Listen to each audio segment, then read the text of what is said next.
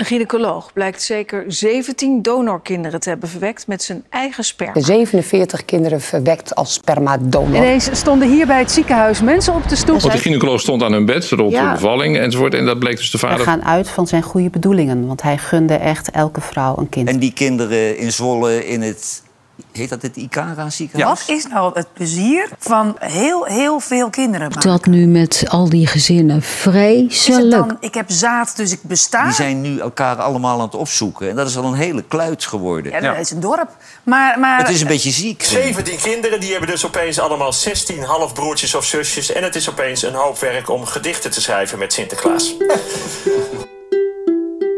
Ik ben Jelmer. Ik ben Jul. Sinds kort weten we dat we halfzus en broer zijn. We zijn donorkinderen van gynaecoloog Jan Wildschut, die in de jaren 80 en 90 zijn eigen zaad gebruikte bij vruchtbaarheidsbehandelingen. We hebben inmiddels meer dan 50 halfbroers en zussen. Samen stappen we in de auto, op de fiets of in de trein en gaan we op bezoek bij leden van onze nieuwe familie. Sommige kennen we al een beetje, andere zien we voor het eerst in ons leven. Aan hun keukentafels gaan we met hen in gesprek. Wat heeft donorkind zijn voor invloed gehad op je kindertijd? Hoe doe je dat? Opeens deel uitmaken van zo'n enorme groep halfbroers en zussen. Wat betekent het als de maatschappij jouw ontstaan afdoet als een schandaal? En was het dat eigenlijk wel? Dit is DNA-zaten. Jelmer. Ja, Joel, hoi. Ehm, we zitten hier eerst even met z'n tweeën bij elkaar. En dat doen we omdat we een paar minuten de tijd willen nemen om eh, mensen even ons verhaal uit de doeken te doen. Kort, zodat je snapt waar gaat dit nou eigenlijk eh, precies over. We gaan even langs de chronologie, langs de feiten. We, we benoemen wat termen, ehm, zodat je een beetje weet eh, wat moet ik weten om de gesprekken die in deze podcast worden gevoerd goed te kunnen volgen. En dat start eigenlijk met de vraag: hoe zijn wij aan deze tafel terechtgekomen? Ja, nou dat heeft alles te maken met Jan Wildschut.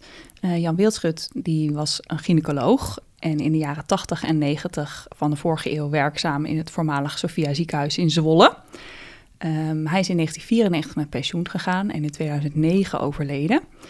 Pas jaren later eh, kwam aan het licht dat hij bij, eh, tijdens zijn werk in het Isela bij fertiliteitsbehandelingen eh, zijn eigen sperma heeft gebruikt. Eh, in plaats van donorsperma of in plaats van eh, sperma van de opvoedvader. Ehm, en dat kwam aan het licht omdat een aantal van de kinderen die uit de behandelingen voort zijn gekomen, op zoek zijn gegaan naar hun biologische vader. En er zo achter kwamen dat Jan Wildschut hun biologische vader is. Dat nieuws dat was lange tijd eh, niet openbaar bekend. Totdat de groep donorkinderen eigenlijk zo groot werd dat de stap naar de media onvermijdelijk was. En in oktober 2020 eh, kwam het dan ook in het nieuws dat een Zwolse gynaecoloog op dat moment 17 donorkinderen bleek te hebben verwekt met zijn eigen zaad.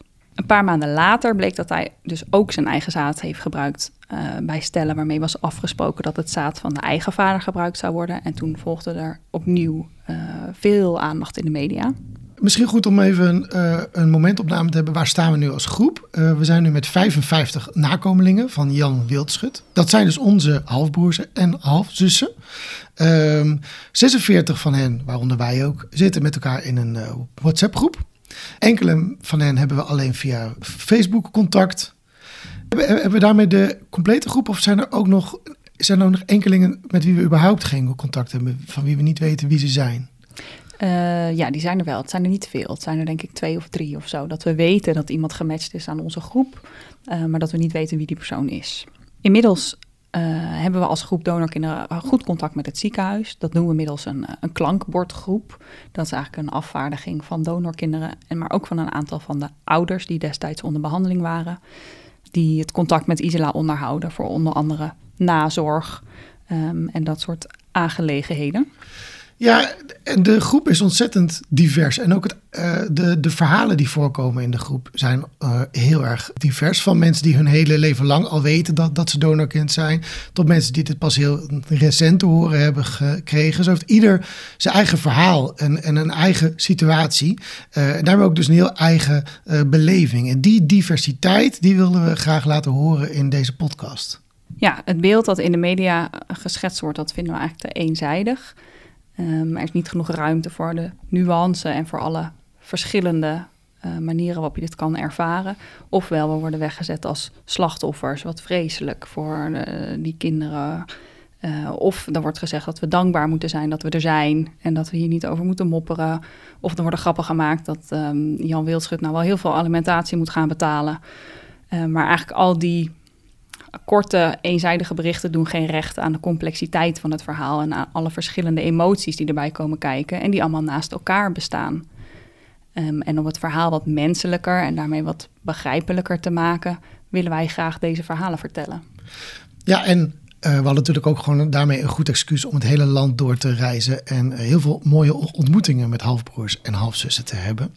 Dat hebben we dus ook gedaan. Dat was de zomer van dit jaar, 2022. We hebben in totaal tien halfbroers en zussen opge opgezocht. En waar ik heel dankbaar op, uh, op, terugkijk, is uh, hoe we met open armen zijn, zijn ontvangen. Hoe uh, mooi mensen het vonden dat we met elkaar in gesprek zijn gegaan. En uh, dat we met koffie, thee, fris, uh, maar ook borrelplankjes, kaasplankjes, nou, daar komen we zeker nog tijdens de podcastserie op terug, zijn, on zijn ontvangen. Ja, dat vond ik heel bijzonder. Mm -hmm. Ja, zeker.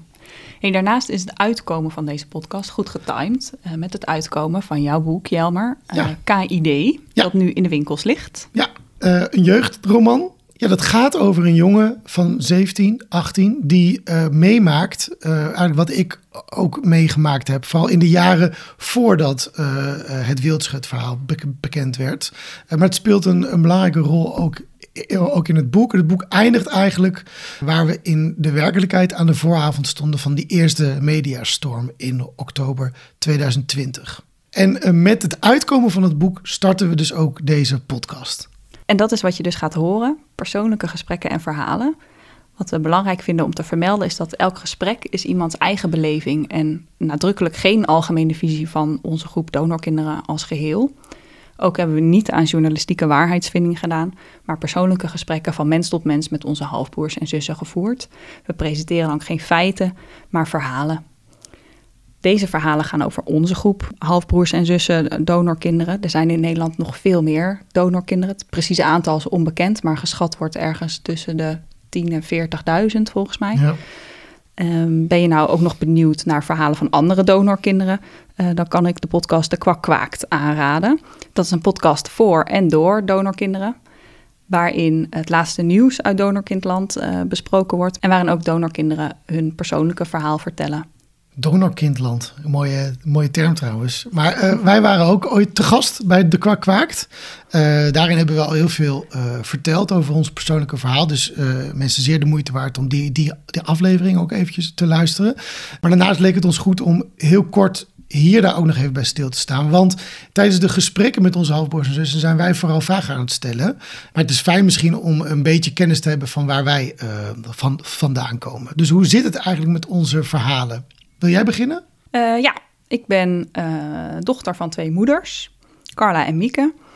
En die zijn begin jaren negentig naar uh, het ziekenhuis in Zwolle gegaan en hebben aan de dokter, dokter Wildschut, gevraagd of zij een zaadje van een anonieme donor mochten om daarmee zwanger te worden. En daar ben ik uit voortgekomen.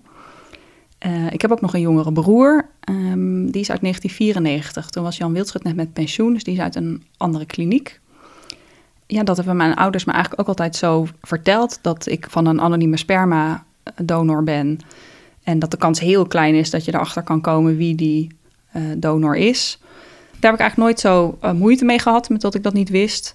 Het was voor mij gewoon een gegeven en ik had weinig vragen over mijn eigen identiteit of nou ja, wat daar allemaal bij kan komen kijken. Um, ik dacht, ik heb sommige dingen van mijn moeder en sommige dingen herken ik niet in mijn moeder. Nou ja, die heb ik dan maar van mezelf. Je bent niet een exacte kopie van je vader en je moeder. En zo heb ik het eigenlijk altijd gelaten. Totdat dus in oktober 2020 uh, in het nieuws kwam dat een Zwolse gynaecoloog zijn eigen zaad had gebruikt. Eigenlijk las ik het artikel uh, op de NOS en dacht ik, haha, jeetje, wat een verhaal. Uh, maar toen onderaan het artikel de jaren stonden waarin hij werkzaam was, nou, werd het toch ineens, kwam het wel heel dichtbij. En toen dacht ik, dit zou wel eens over mij kunnen gaan. Uh, mijn ouders die bevestigden vervolgens dat dokter Wildschut inderdaad hun behandelend arts was. Um, toen heb ik er een poosje over nagedacht van ja, wat wil ik er nu mee? Wil ik het gaan onderzoeken? Uh, wil ik hier meer over weten? En uiteindelijk heb ik besloten om mijn DNA op te sturen en wel op zoek te gaan naar, uh, naar het antwoord op die vraag. Meer vanuit het idee dat als dit zo voor mijn voeten wordt gegooid, dan wil ik ook gewoon kijken wat het me oplevert en het aangaan. En zo werd ik in, uh, op 13 januari 2021 gebeld door het FIOM dat ik gematcht was aan dokter Wildschut en daarmee aan deze groep halfbroers en zussen.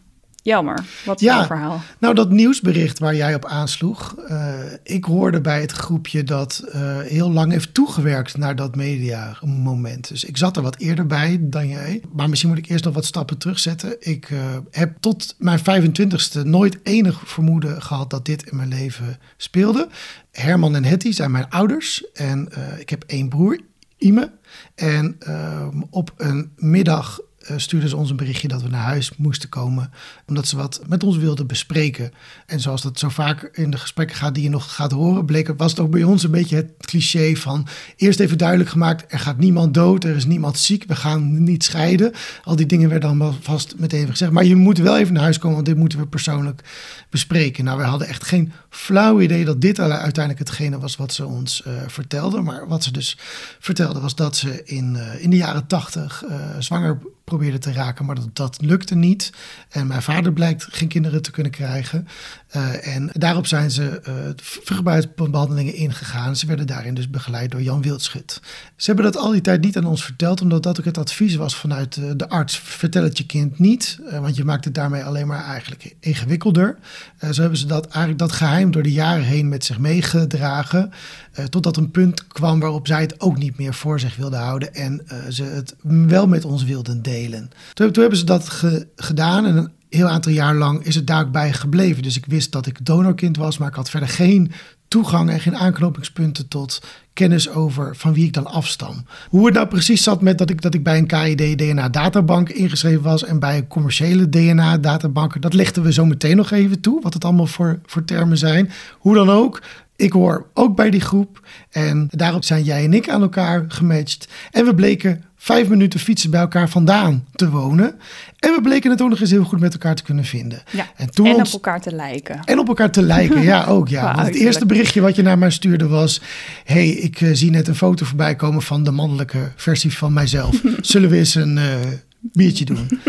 uh, dat hebben we gedaan. En tijdens een van de zoveelste biertjes daarna kwam ja. opeens het idee op: zullen we anders een podcast maken van al die mooie verhalen die in onze groep uh, spelen? En zodoende zijn wij dat gaan doen. Ja, jij noemde net al even een aantal termen: een KID, DNA-databank, uh, matches. Uh, dus ik denk dat we toe zijn aan het hoofdstukje uitleg.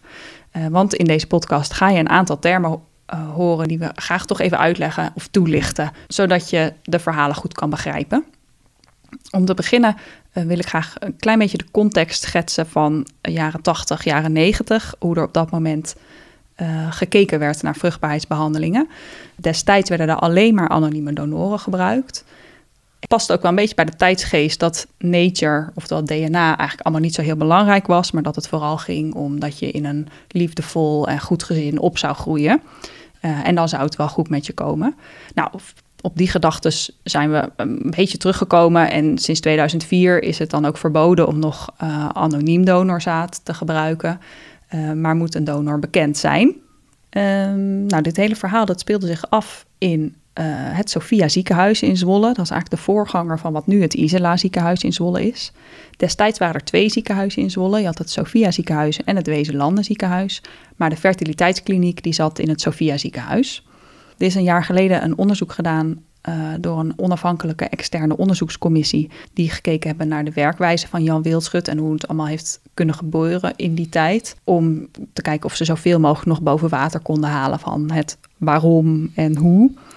Dit onderzoeksrapport kan je lezen, kan je vinden op de website van Isela. En het heet Van kinderwens naar kind van de rekening misschien wat termen om ook nog even met elkaar te behandelen. Er komen heel vaak in deze podcast de termen KID en KIE voor. Ja. Uh, hoe kunnen we dat het beste toelichten? Ja, uh, KID staat voor kunstmatige inseminatie met donorsperma. En zo'n behandeling ga je aan op het moment dat het sperma van de wensvader te slecht is om uh, een zwangerschap mee te volbrengen. En dan wordt er dus zaad van iemand anders gebruikt van een donor. Daarnaast heb je ook de afkorting KIE. Dat is kunstmatige inseminatie met eigen sperma. Dat zijn behandelingen waarin het, uh, waarbij ofwel het probleem bij de vrouw ligt, of het zaad van de man is van minder goede kwaliteit, waarvoor het eerst opgewerkt moet worden en dan kan het alsnog gebruikt worden in een vruchtbaarheidsbehandeling. Een andere naam die veelvuldig in deze podcast zal gaan voorkomen is uh, FIOM. Dus goed om die, dat ook even toe te lichten. Een FIOM, dat uh, staat, dat stond eigenlijk ooit voor uh, de Federatie van Instellingen voor de Ongehuwde Moeder en haar Kind. En uh, FIOM is nu de specialist eigenlijk bij ongewenste zwangerschappen en afstammingsvragen. En daarnaast is FIOM ook de beheerder van de KID DNA databank. Als je uh, donorkind bent, dan kun je ervoor kiezen om je DNA op te laten nemen in deze databank. Daar zitten uh, donorkinderen in en ook uh, voormalige donoren die daar zelf voor hebben gekozen om hun DNA daarin op te laten nemen, omdat ze toch gevonden willen, willen worden. Als je als donorkind en donor allebei in die DNA-databank zit en je hebt die DNA-link met elkaar, dan word je dus aan elkaar gematcht. Als je aan ons gematcht wordt, dan ontvang je van Viom het bericht uh, dat je bij onze groep hoort. Maar dan krijg je ook een contactlijst waar een aantal uh, halfbroers en zussen uit onze groep op staan. Die daar zelf voor hebben gekozen. Die daar zelf voor hebben gekozen, ja. Om uh, als eerste met een van hun even één op één contact te hebben van... goh, ik hoor bij jullie groep, hoe nu verder? En dan kan je aan de hand daarvan kijken... wil je in de WhatsApp-groep, wil je in de Facebook-groep... wil je wat in wat wil je qua contact. En tot nu toe is het altijd zo, zodra je contact hebt met een van ons uit de groep, dan uh, krijg je ook de levensbeschrijving van Jan Wildschut, die zijn uh, wettelijke zoon heeft opgesteld. Uh, waar ja, heel veel informatie in staat over wie Jan Wildschut was als mens en wat hij nog meer deed in zijn leven. Um, en dat is voor een heleboel van ons denk ik een heel waardevol document waarmee je een heleboel vragen over je eigen herkomst en identiteit kan beantwoorden. Naast die KID-DNA-databank zijn er ook nog uh, een aantal commerciële internationale DNA-databanken. Die hebben een belangrijke rol gespeeld in, de, uh, in eigenlijk dit verhaal. En dat zul je met name horen in de aflevering met Mariska. Want het voordeel van die commerciële DNA-databanken is dat zij wel de match kunnen maken tussen halfbroers en zussen. en dat is een belangrijk geweest, want daarmee zijn wij eigenlijk voor het eerst met elkaar in contact gekomen. En uh, die commerciële databanken zijn belangrijk geweest in het ontdekken van de link met Jan Wildschut. Maar dat hoor je allemaal dus in de aflevering met onder andere Mariska. Uh, de bekendste, denk ik, is My Heritage. En daarnaast heb je ook nog uh, Family Tree, DNA, 23andMe, Ancestry. Nou ja, uh, er zijn er volgens mij nog een paar, maar in ieder geval, hier zit ik overal ook bij. Dus ik, mensen die nog eens aan mij gematcht worden, grote kans dat je me ergens vindt in een van die databanken. Kijk. Tot slot hebben we in Nederland Stichting Donorkind. Stichting Donorkind die komt op voor de belangen van donorkinderen, brengt ze in contact met elkaar en met donoren en helpt bij het zoeken naar uh, de afkomst. En uh, Stichting Donorkind heeft ook een Facebookgroep. Dat is een anonieme Facebookgroep, dus mensen kunnen ook niet zien dat je lid bent van deze Facebookgroep. Um, en in die Facebookgroep zitten donorkinderen en donoren en kan je nou ja, op een veilige manier contact hebben met mensen in vergelijkbare situaties. Ja, maar jij en ik zitten allebei in die Facebookgroep. Ja. En jij zit daar al een aantal jaar in. En jij had daar al eerst contact met een aantal halfbroers en zussen voordat jullie überhaupt uh, qua DNA aan elkaar gematcht waren, toch? Ja, dus ook daar is het een belangrijke plek voor geweest. Mensen verwijzen tijdens die gesprekken dus vaak naar de, de Facebookgroep. Dus weet dan dat het dan vaak daarover gaat. Ja, okay, nou volgens mij zijn we zo wel een beetje rond met alles wat je van tevoren moet weten om de volgende afleveringen goed te kunnen luisteren. Ja, rest ons niets anders dan uh, je ontzettend te bedanken dat je deze podcast aan het luisteren bent. We hopen dat je er wat aan hebt. Uh, en uh, we wensen je veel plezier. We gaan volgens mij de eerste aflevering luisteren naar Regina. Klopt, op naar Regina.